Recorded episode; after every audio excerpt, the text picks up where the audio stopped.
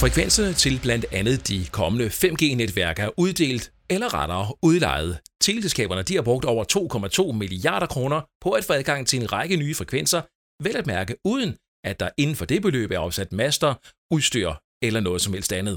Hvis vi lige skal se bare lige 5-10 år ud i fremtiden, jamen så har frekvenserne en stor betydning for, hvordan dækningen er, og hvilke hastigheder teleselskaberne kan levere.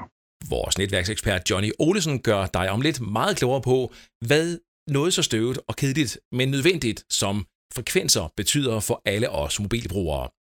Vi skal også stille ind på Samsung Galaxy Fold, den prestigefyldte foldbare telefon fra Samsung, der hen over påsken blev ramt af en rigtig lortesag.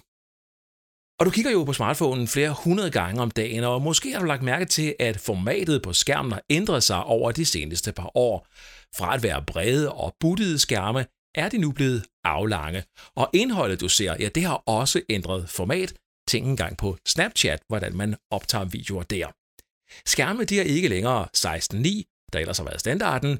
Nu har de alle mulige dimensioner. Oven i det, ja, så er tjenester som f.eks. Snapchat begyndt at benytte aflange billede- og videoformater, og det udfordrer i høj grad dem, der producerer noget af det indhold, som vi sidder og kigger på på vores smartphone. Mere og mere så er vi gået over til det der 916 højformat, fordi at der er jo faktisk en idé med, at når du kæmper millisekunderne, altså i forhold til opmærksomhed for brugeren, så tager det der faktisk længere tid at lige at scrolle igennem et 916, altså et højkantsbillede, end et almindeligt firkantet billede. Det er faktisk dobbelt så meget tid, det er millisekunder, vi snakker om, men det er faktisk dobbelt så meget tid, du bruger på den video, på det opslag. Så der er lige pludselig den konkurrencefinde med i det også. Jeg har besøgt en stor film- og videoproducent for at lære mere om de udfordringer, skærmene og indholdsformaterne de giver os. Velkommen til Tech-podcasten fra meremobil.dk. Dette er episode nummer 61. Den er optaget live on tape onsdag den 24. april. Jeg hedder John G.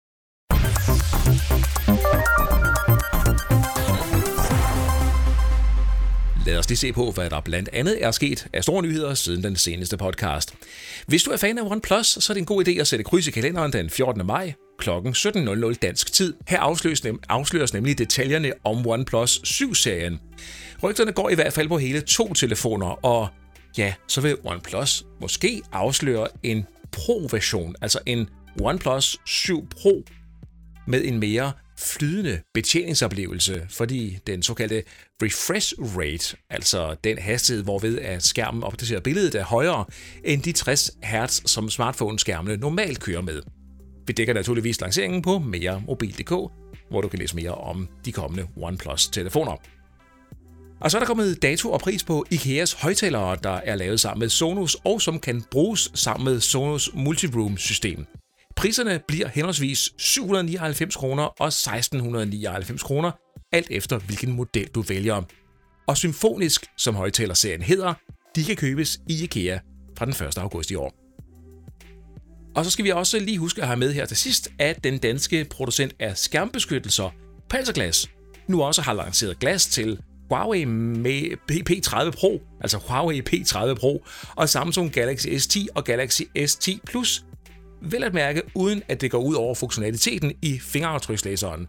Når du dækker glasset på fra panserglas, ja, så virker sensoren i skærmen, der aflæser fingeraftrykket, stadigvæk. Og det er faktisk lidt af en nyhed, fordi normalt har det været sådan, at når man har lagt noget hen over de her skærme, ja, så er fingeraftryksfunktionaliteten blevet sat på standby. Den er simpelthen holdt op med at virke.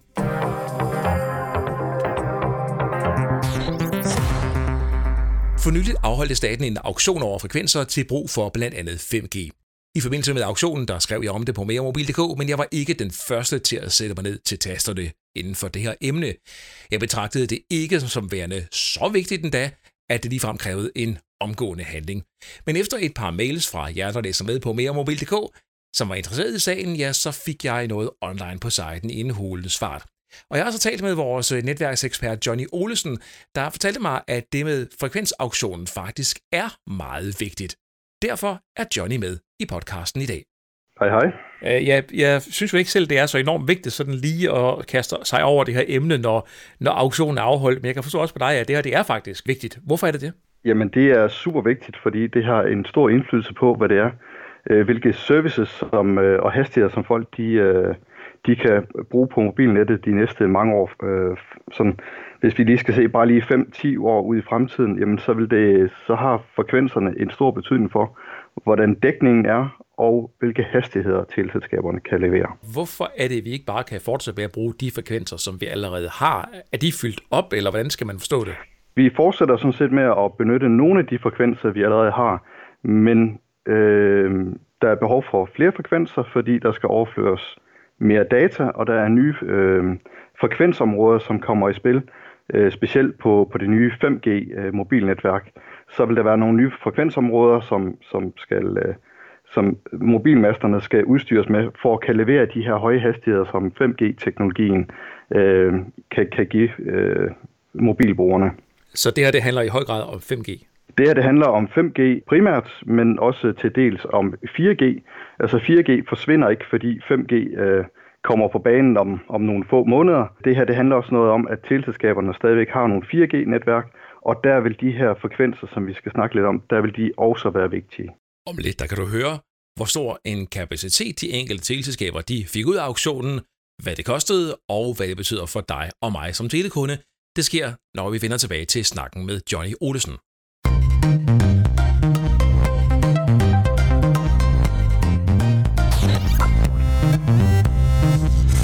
En gang var 16.9 standarden for skærme på smartphones, såvel som tv- og computerskærme.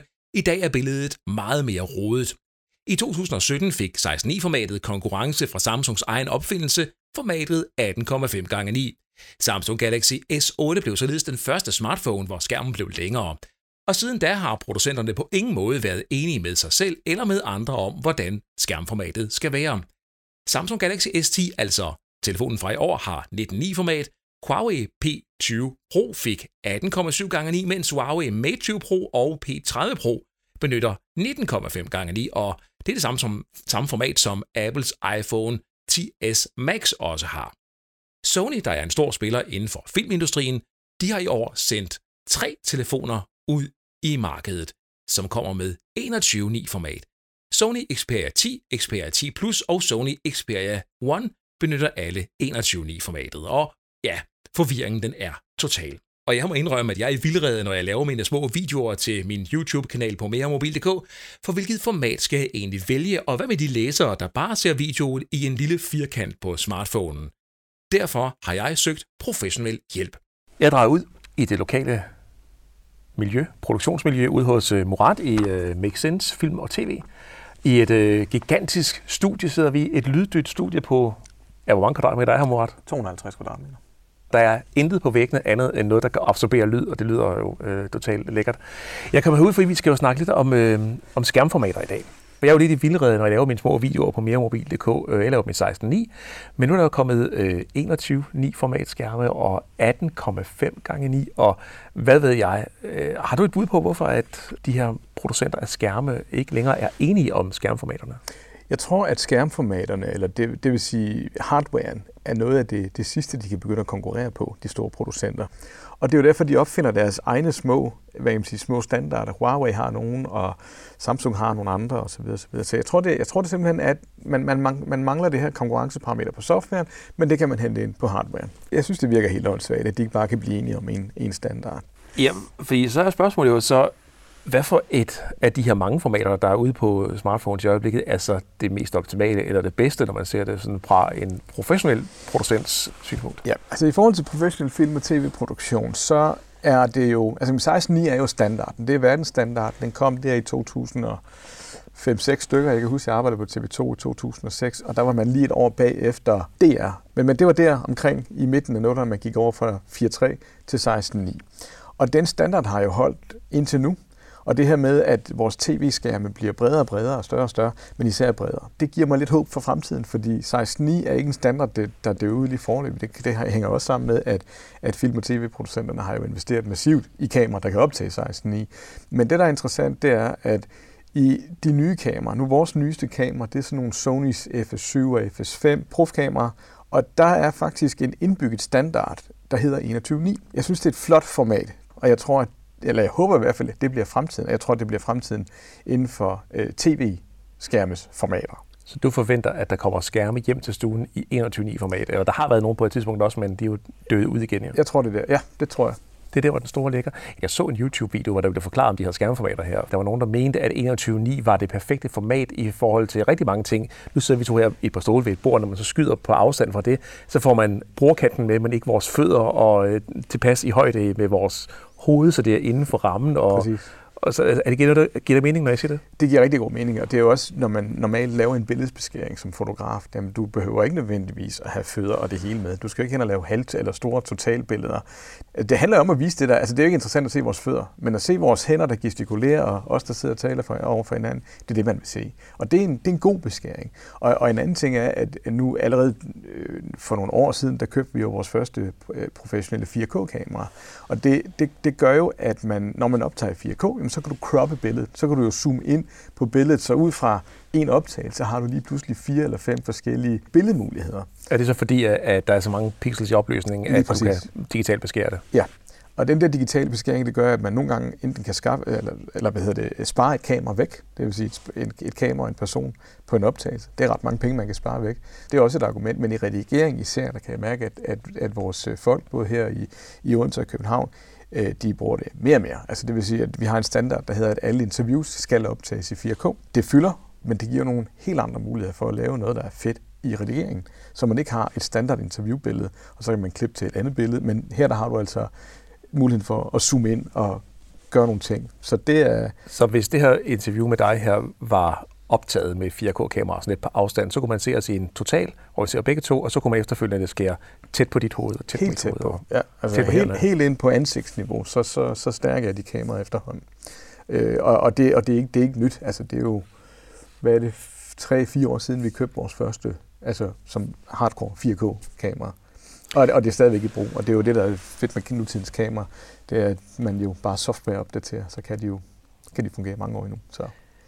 Hvad tænker du om udfordringerne i forhold til produktion af videomateriale, når det kommer til, at der er så mange forskellige skærmformater? Altså, vi nævnte det før, de der 18,5, og vi har 19, 9 og 21, og 16, og der er også nogle helt nede i 4.3. Altså, der er jo mange, altså, har mange til højde for. Ja, og der, der er vi, i, vi er i den situation, og det kan vi virkelig mærke i det seneste år til halvandet, at at vi producerer rigtig meget til social media, rigtig meget kampagnefilm, reklamefilm og corporate osv. osv.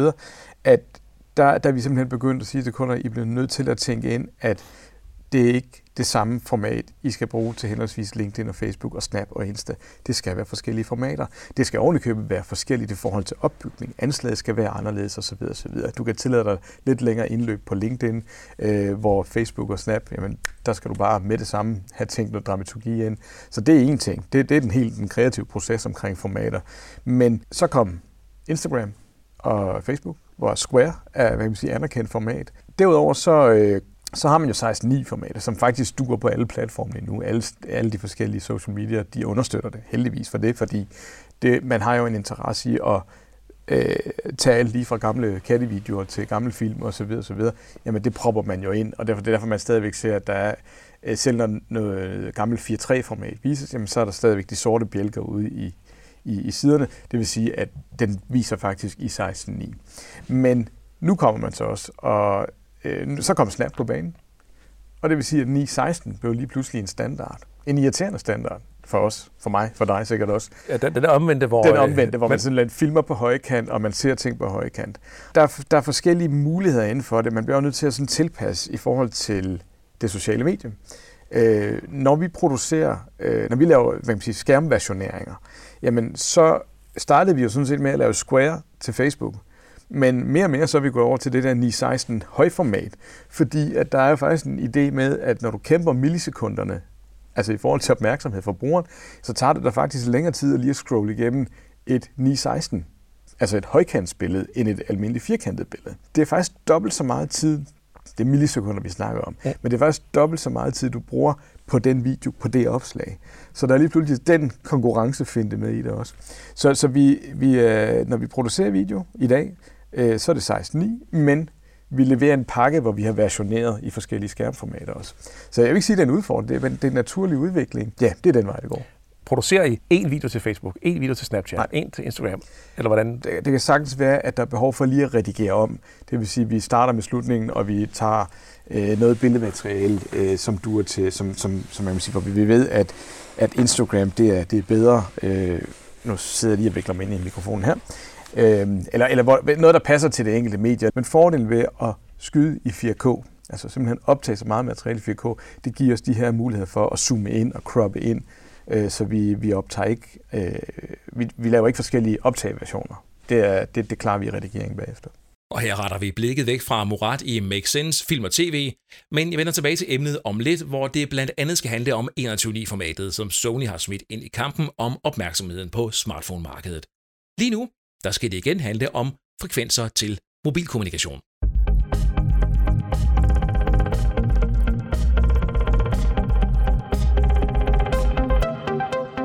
Og det er så her, vi vender tilbage til vores ekspert i netværk, Johnny Olsen. Han fortæller her om, hvor meget kapacitet teleselskaberne de har vundet i den her auktion. De fik eh, nemlig ikke alle lige meget ud af frekvensauktionen. Nogle af de nye frekvenser er blandt andet vigtige, når teleselskaberne de vil have den enkelte mobilmast til at dække et større område. Staten har holdt en, eh, en frekvensauktion over 2 gange 30 MHz på 700 MHz frekvensbåndet og 2 gange 30 MHz på 900 MHz frekvensbåndet. Derudover så er der afholdt en auktion på 100 MHz på 2300 MHz frekvensbåndene. De lave frekvenser på under 1 GHz, det vil sige 700 og 900 MHz frekvensbåndene, de er meget, meget vigtige til at skabe det, man kalder fladedækken eller indendørsdækken. Det vil sige, ude på landet, der er det vigtigt, at, øh, at, at man kan få mobildækning. Det er det, de lave frekvenser, de bliver brugt til ligesom de lave frekvenser også bliver brugt i storbyerne til at sikre indendørsdækning i vores, vores huse. De høje frekvenser på over 1800 MHz, de bliver brugt til at sikre kapacitet, altså sørge for, at, at der er båndbredde nok til, at alle kan, kan bruge deres mobiltelefon og downloade med, med høj øh, hastighed. Den auktion, vi lige har øh, overstået her, det har primært været, øh, eller i hvert fald den del, der ligesom var den vigtige del, det var de lave frekvensbånd på 700 og 900 MHz. 700 MHz frekvensbåndet, det er et nyt frekvensbånd, som ikke har været brugt før i Danmark. 900 MHz frekvensbånd, den har vi brugt tidligere i Danmark. Der har kørt både 2G og der kører også 3G øh, på, øh, på 900 MHz frekvensbåndet i, øh, i øjeblikket. Og Licens... 700 frekvens, øh, MHz frekvensbåndet, har det været brugt til noget andet tidligere end mobil, mobiltelefoni, eller er det øh, helt ny øh, kapacitet? 700 MHz det har tidligere været brugt, eller det bliver i dag brugt til at øh, sende digital tv. Boxer TV har licens til at kan sende digital tv på øh, 700 MHz frekvensbåndet, og den licens den udløber så her i 2020, og så vil frekvenserne så blive brugt til øh, mobil bredbånd i, i stedet for. Udover at de så skal betale nogle penge for de her frekvensbånd, så er der så også nogle dækningskrav på 700 og 900 MHz frekvensbåndene. Og i alt så var der 212 udvalgte områder, hvor teleselskaberne de skulle sørge for øh, at levere øh, dækning, det vil sige mindst 30 megabit download og 3 megabit upload samt taledækning. Og alle 212 områder, de er så afsat øh, til teleselskaberne, som skal sørge for at, at levere dækning øh, i de her områder inden april øh, 2022. Må og det vil specielt, specielt være sommerhusområder og ude på landet øh, hvor der i dag er dårlig dækning, hvor de ligesom øh, har de her dækningskrav, som så skal levere dækning til den. 212 områder fordeler sig på 2700 kvadratkilometer. 6 procent af Danmarks areal, skriver du. Er, altså, er det her ikke lige øh, lovligt småt et eller andet sted, og, og skulle, skulle dække, det koster vel en frygtelig masse penge det her, tænker jeg, at dække sådan et Jamen. relativt lille geografisk område for at få adgang til en frekvens. Jo, det koster teleselskaberne en frygtelig masse penge at skal levere dækning i de her områder. Men øh, man skal samtidig sige, at de her områder, som, som der skal dækkes, det er områder, hvor der er dårlig øh, infrastruktur i forvejen. Det vil sige, at mange af de her områder, der er der ikke perfekt mobildækning i dag, og der er øh, problemer med øh, TDC's kovernet. Og det er det, staten har skillet til, i, øh, da de udvalgte de her 212 områder. Det er simpelthen områder, hvor infrastrukturen i dag er så dårlig, at det er svært at levere højhastighedsbredbånd over for eksempel kabler.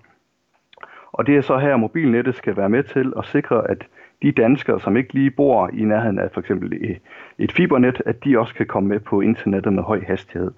Og det er derfor, at man har stillet de her, de her dækningskrav. Så selvom at det virker småt, så er der noget øh, fornuftigt i det her? Der er noget fornuftigt i det her, fordi det vil være områder, som måske ikke ellers vil blive, øh, vil blive dækket af, af teleselskaberne.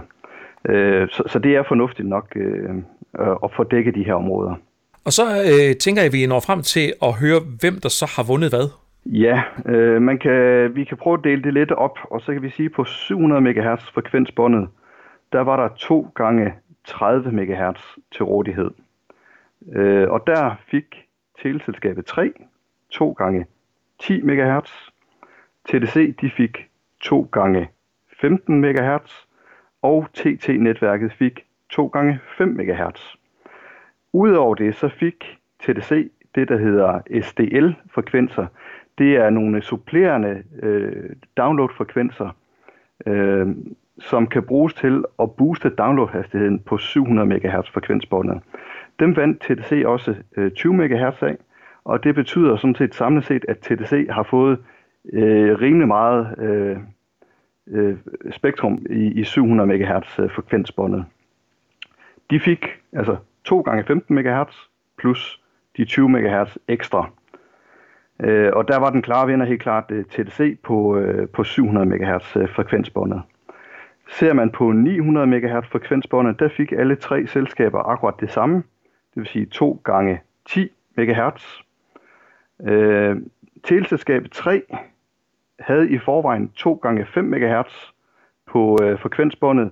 De 2 gange 5 MHz har selskabet lov til at beholde, og så får de altså 2 gange øh, 10 MHz oveni, det vil sige sammenlagt der har øh, teleselskabet 3 2 gange 15 MHz at gøre godt med på frekvensbåndet på 900 MHz, mens både TDC og TT-netværket kun har 2 gange 10 MHz.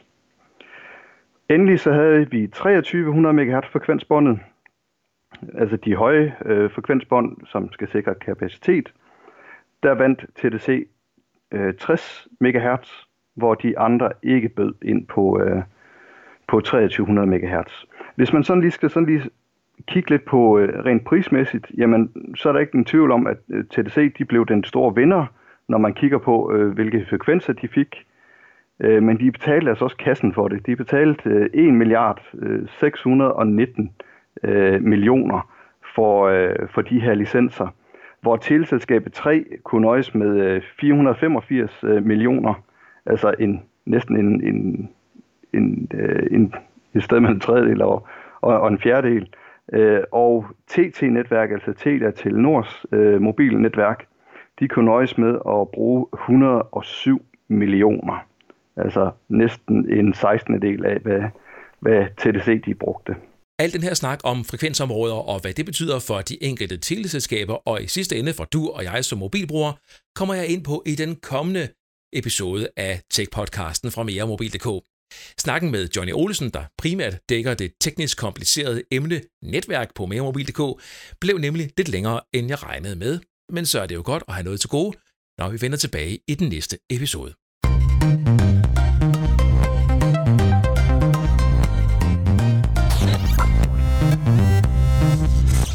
Du har jo nok hørt om Samsungs foldbare telefon Galaxy Fold. Salget det skulle starte i begyndelsen af maj måned, men det bliver ikke til noget. Telefonen til 15.600 kroner er nemlig ufrivilligt blevet udskudt. De første internationale anmeldere de har nemlig på et øjeblik fundet alvorlige fejl på Samsung Galaxy Fold. Jeg så en, der skrev på Twitter, at, øh, at øh, Samsung burde egentlig sende nogle roser til de her tech-anmeldere, fordi de har reelt reddet øh, Samsung fra en endnu større skandale, nemlig at helt almindelige forbrugere havde fået det her produkt i hånden. Ekstrabladets tech-redaktør Heine Jørgensen, som du her hørte, analyserer sagen omkring Samsung Galaxy Fold sammen med mig om lidt.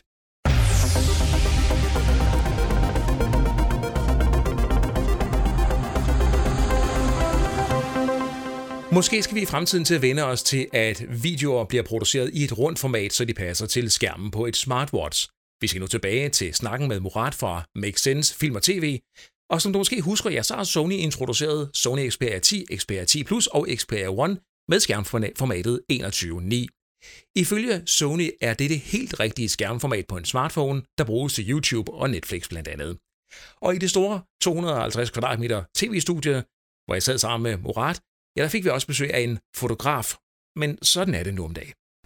Kan man lige sige, i øh, social media tiden, der kan vi ikke få lov til at sidde og tale alene sammen. Nu har vi fået en social media fotograf på banen også her ved siden af, der, der lusker rundt og laver nogle optagelser til jeres social media platform. Ja, det er, det er simpelthen fordi min øh, kollega Peter, der er social media manager her, han, øh, han synes, det var det egentlig meget sjovt, at, øh, at jeg skulle interviewe til dig, John. Så, øh, så vi laver en lille bitte ting til vores egen social media. Så hvis, det, hvis der er knirkelyd, så er det stativ, der lige skal indstilles osv hvis vi skal tilbage til snakken om skærmformaterne, Murat, så er øh, Sonys argument på deres nye telefoner jo, at 21.9-format er det format, som serier og film de bliver skudt i helt oprindeligt, øh, og derfor vil det give god mening at lave en telefon med et 21.9 skærmformat, og det er det så gjort. Xperia 10, Xperia 10 Plus, og så den kommende Xperia One bruger 21.9 som standard øh, skærmformat. Hvad tænker du om Sonys argumenter? Jeg synes, det er okay. Du kan se meget mere, dybest set. Og så kan man sige, at tendensen i forhold til smartphones især, er jo, at de bliver længere og længere i højden. Eller ja, bredden, hvis du ligger dem ned. Jeg er ikke uenig. Jeg tror faktisk, at 21.9 kan gå hen og blive standard for, for, for fremtiden. Øh, og jeg tror, at, at, at det, at Sony, som er verdensleder inden for, for, for film og tv, men, men også produktion af tv-skærme, hvis de ligger sig på det, jamen så vil andre også lægge sig op af det. Så, så jeg, jeg synes, at, at hvis vi endelig skal udvikle 16.9, så er 21.9 der et udmærket format. Så man kan sige, at nu er Sony smartphones kommet, så mangler vi jo, at Sony så også introducerer nogle tv-skærme, der har det format. Det tror jeg kommer. Det, det, det tror jeg helt sikkert, der kommer. Især når de laver film, der passer i det format. Jeg ser jo stadigvæk rigtig mange, eller ofte, folk kravler rundt med deres uh, smartphone i hånden og optage på højkant, altså holdtelefon på den høje led. Og jeg skal ærligt om det irriterer mig, og det irriterer mig også, når jeg ser øh, hvad det, deres øh, hvad det, reality-ting, øh, Remé og Mathilde på Kanal 5, hvor alle mobiloptagelser, som Remé selv har lavet, er lavet på det højkante format, så man er nødt til at sådan billedmæssigt fuske sig lidt ud af det på tv, for at det kommer til bare at se nogenlunde fornuftigt ud. Er jeg sådan en uddøende race, der, der er irriteret over... Muligvis, men jeg er så en del af den race, for jeg hader det inderligt.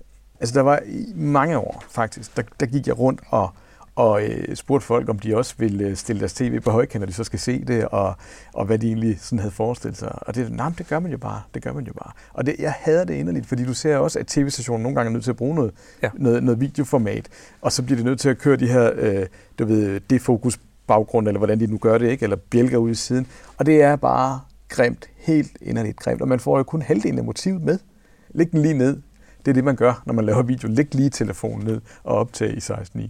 Og så var der lige så mange, der lagde den ned til den forkerte side, og så var det helt på hovedet. Men, men, men øh, det, var, det var virkelig sådan en øh, sådan pet pige for mig, at jeg bare skulle i rette sætte folk. Øh, men så kom Snapchat. Og Vine, tror jeg også, øh, oprindeligt, men, men Snapchat især, det ødelagde fuldstændig mine argumenter. Prøv lige at se, for det er jo ligesom det, er jo ligesom det der er. Og, og nu kan jeg jo ikke forklare, jeg kan ikke forklare mine børn, men jeg kan ikke forklare min datter, at, øh, at, at, at det er sådan, man gør. Fordi hun siger, ja, men, men lige nu der har du appen og softwaren, der ligesom til gode ser, at du rent faktisk ser ting skudt i højformat. Nå, så optager du også ting til det medie, til den app i højformat. Så argumenterne, de er, de er røget lidt. Men jeg håber virkelig, at folk de tænker over, at hvis du skal lave video, så skal det jo stadigvæk på et eller andet tidspunkt forhåbentlig ses på en, på en tv-skærm sammen med familien, hvis du laver noget. Bliver det ikke skønt at høre det her interview om 20 år? Så er det der, hvor du siger, at, at når det skal ses på en film og en tv-skærm, de feriebilleder, man har taget. Tænker du ikke, når vi hører det her om 20 år? Der er ikke nogen, der ser det på en film en TV, eller på en tv-skærm. de, de, de ser det med deres øh, egne briller, hvor det er en helt øh, elementær indbygget ting, at man ser tv på, på brillerne. Det gør, at man sidder sammen. Der er en masse fremtidsperspektiver i det, men altså, jeg tror, vi, det er jo også noget med, vi har jo, øh, du og jeg øh, har jo været med hele vejen fra internettets hvad kan man sige, kommercielle start. Øh, altså, jeg var på, på nettet første gang i 96, så jeg er jo... Øh, øh, jeg er en årgang 76, så, så jeg har været med hele vejen. Så, så vi tænker over det. Vi tænker selvfølgelig over, at det er jo den måde, man er vant til at se det på. Men for den nye generation, det vil sige folk, der er født øh, du ved, slut 90'erne, midten 90'erne og frem, og især den helt nye generation. Altså, øh, mine børn er jo 7 og 10 år, og vi prøver selvfølgelig at begrænse deres forbrug af devices osv., men de sidder jo og har det som deres primære informationskanal, eller deres kilde til, til, til underholdning. Så kan man sige, dem, du kan ikke rigtig argumentere, fordi der er lige så meget materiale, der bliver lavet til det der højformat, eller hvad det nu kan finde på. Og, og jeg tror, det bliver... Altså, det er ikke utænkeligt, at man om Og at man begynder at se et professionelt format, der, der bare er cirkelformet.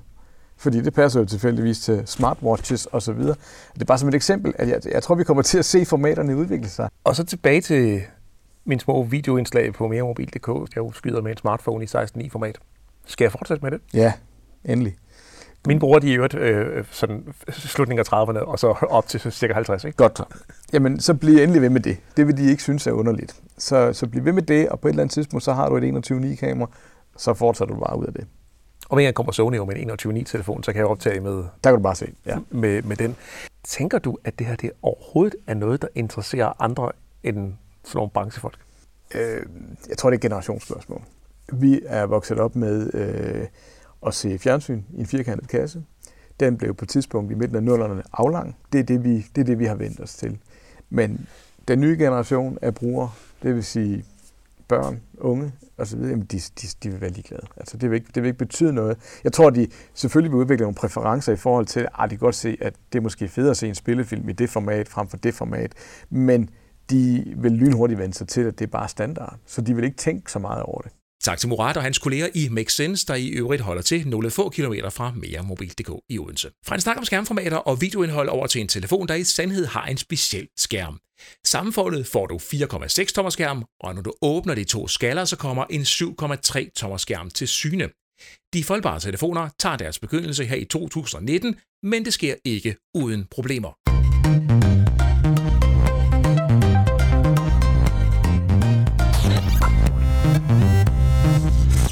I påsken kom de første internationale First Look-anmeldelser af Samsung Galaxy Fold, den prestigefyldte foldbare telefon, men anmelderne de stod ikke med armene oppe. Derimod blev det til mange billeder af ødelagte skærme på de sociale medier, og nu har Samsung så udtalt, at Samsung Galaxy Fold salgstarten bliver udskudt, og det gælder også her i Danmark. Lad os sætte fokus på den her sag sammen med Heine Jørgensen, tech-redaktør på Ekstrabladet. Velkommen til dig, Heine. Tak skal du have.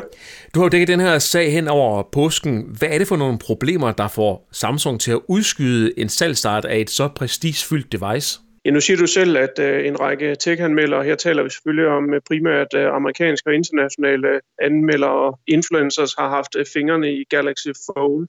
Der gik jo ikke mange øh, sekunder før, at de øh, fra egentlig at være sådan, det ser spændende ud det her, kunne begynde at fortælle om to store problemer. Det ene er, at der ligger en folie henover, som de fleste herunder også anmelderne troede, at øh, man bare kunne pille af. Det kunne man ikke, så gik telefonen i stykker.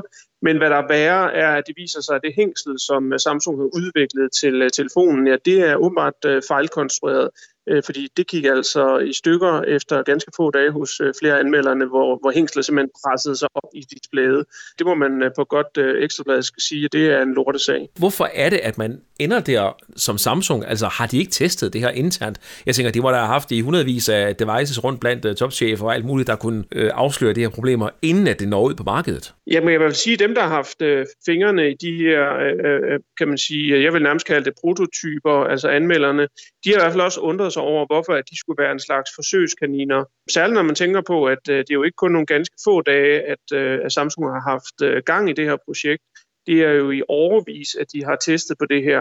Altså mit, mit øh, bud, øh, det er, at, øh, alle ondskaber er så at sige ramt øh, produktet på samme tid. Altså ikke nok med, at den manglende omtanke i forhold til, øh, hvordan at øh, forbrugerne egentlig behandler et øh, produkt, hvor der kommer noget, der ligner en folie på. Det er jo helt vanvittigt, at, at man ikke har gjort noget for at beskytte den her øh, folie, eller i hvert fald om ikke han advarer anmelderne om, de ikke skal pille den af.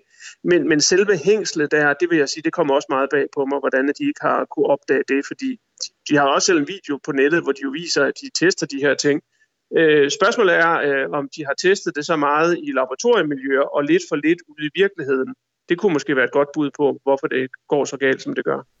Nu har Samsung øh, jo også en stor konkurrent til kinesiske Huawei, der jo har den her Huawei Mate X-telefon, som jo øh, ligger så meget op af det her øh, foldbare koncept, som Samsung også har præsenteret. Er det her, tror du, et spørgsmål om, at vi skal være først ude på markedet, og så er der nogle chefer, der har trumfet noget igennem lidt for hurtigt i forhold til, hvad man burde have gjort? Altså hvis man har tilløb på forskellige år, så er det jo spørgsmålet, om, om man måske har...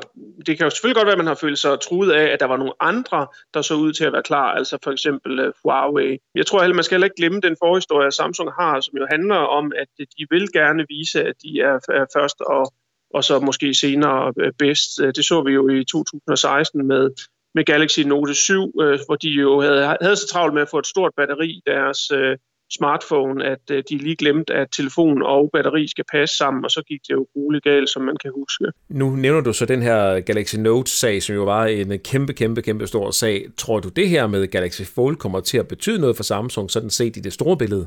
Man kan sige, at i det store billede, så har Samsung det problem, som de fleste andre mobilproducenter har, det er, at vi køber øh, flere, færre telefoner, og vi er ikke så villige til, villige til at hoste en frygtelig masse penge op øh, for dem, Øh, for de her nye telefoner. Særligt ikke, øh, når der nu øh, er gode modeller fra Huawei, Nokia, Motorola osv. Så derfor bliver det et problem for Samsung, og selvfølgelig også for den foldbare telefon, at nu kom der et produkt, som, som de jo forventede måske skulle producere en million af til næsten 20.000 kroner per, per styk. Og man kan sige, øh, jamen, øh, hvem har egentlig lyst til at være prøvekanin næste gang, at de kommer med noget i den her kategori? Så jeg så en, der skrev på Twitter, at, øh, at øh, Samsung burde egentlig sende nogle ruser til de her tech-anmeldere, fordi de har reelt reddet øh, Samsung fra en endnu større skandale, nemlig at helt almindelige forbrugere havde fået det her produkt i hånden. Så havde skandalen i hvert fald været helt på højde med Note 7. Men som jeg skrev her i, i går i forbindelse med, at, at de meldte ud, at nu vil de udskyde lanceringen, jamen så er det en PR-skandale af internationale og globale øh, dimensioner, som Samsung har udsat sig selv for her. Det, det tror jeg kommer til at gøre ondt på dem i lang tid. Og på et eller andet tidspunkt, så kommer den her telefon jo til salg. Når hvis den så gør det, Heine, tænker du så, at det er sikkert at købe den? Altså er problemerne nu elimineret, når den øh, når butikkerne? Jamen altså, hvis man har lyst til at være forsøgskanin for op til 20.000 kroner, så øh, skal man da skynde sig ud og få købt uh, Galaxy Fold eller Huawei's bud, uh, hvem det måtte være. Jeg, jeg vil sige, at den her teknologi uh, allerede her i den indledende fase har jo dokumenteret, at den er øh, skrøbelig på alle måder. Derfor vil, vil mit øh, råd og mine tanker omkring være det, at, øh, at medmindre man slet ikke kan leve uden at have sådan et produkt og flashe, at man er med på det sidste, jamen så vent et år eller to, og så lad os se, hvor, hvor, hvor det ender henne. Jeg tror altså, at den her teknologi godt kunne gå hen og blive overhalet af ting, vi sætter op til øjnene i stedet for, nemlig, kan man sige, digitale briller med, øh, med indbygget teknologi, som vi kan, øh, kan, kan få vores data der. Tiden, hvor vi holder ting i hænderne, det er altså lidt, jeg, jeg tror, vi er på vej ind i en ny tidsalder, men det er bare mit bud. Ordene kom fra Heine Jørgensen, der er tech-redaktør på Ekstrabladet. Når den næste episode af Tech-podcasten her fra Mere Mobil.dk udkommer, så afslutter jeg snakken med Johnny Olesen om de nye mobilfrekvenser. Og hvis alt går vel, ja, så får jeg også sat fokus på Googles nye spiltjeneste Stadia og Apples tilsvarende bud. Og måske skal vi også lægge øre til et nyt headset fra Apple AirPods 2019 og høre her i podcasten, hvordan det præcist lyder. Og her på falderæbet kan jeg lige nå et af lytterbrevene, som er tikket ind på John G. Meremobil.dk. Her står fra Alexandra Larsen. Hej John, jeg har hørt mange af dine afsnit over de seneste to uger af podcasten, og du spørger blandt andet om feedback. Ja, det gør jeg. Så her kommer det, skriver han. Super spændende emner, og jeg siger tak. Fedt, at du taler med relevante personer. Jeg siger tak. Og min absolut favorit podcast. Jeg siger tak. Det største minus, skriver Alexander. Der går for lang tid mellem de nye afsnit. Men tusind tak for en spændende podcast. Jeg håber, du får en god dag og kommer til at tjene en lille smule på det gode arbejde. Kære Lillesen fra Alexander Larsen, sendt fra min Samsung Galaxy S10 smartphone, står der så videre her. Tusind tak til dig, Alexander. Lad mig opfordre dig, der lytter med, altså dig, der ikke er Alexander, eller for den sags skyld Alexander, til at skrive til mig, John G. mobil.dk, hvis du har forslag til emner eller gæster, eller bare vil komme med en kommentar. Det vil jeg sætte meget pris på. Og hvis du har lyst til at distribuere podcasten, så er du velkommen til at kontakte mig. Udsendelserne stiller jeg gratis til rådighed. Lige nu er vi på FM via Næstved Lokalradio og Radio Freja. Du er velkommen til at dele det her afsnit, eller andre, hvis du har lyst på dine øh, Facebook-sider, Twitter eller hvad du ellers måtte have adgang til. Det vil være meget kærkommen, så vi kan få endnu flere lyttere ind til Tech-podcasten fra meremobil.dk. Mit navn er John G. Tak fordi du lyttede.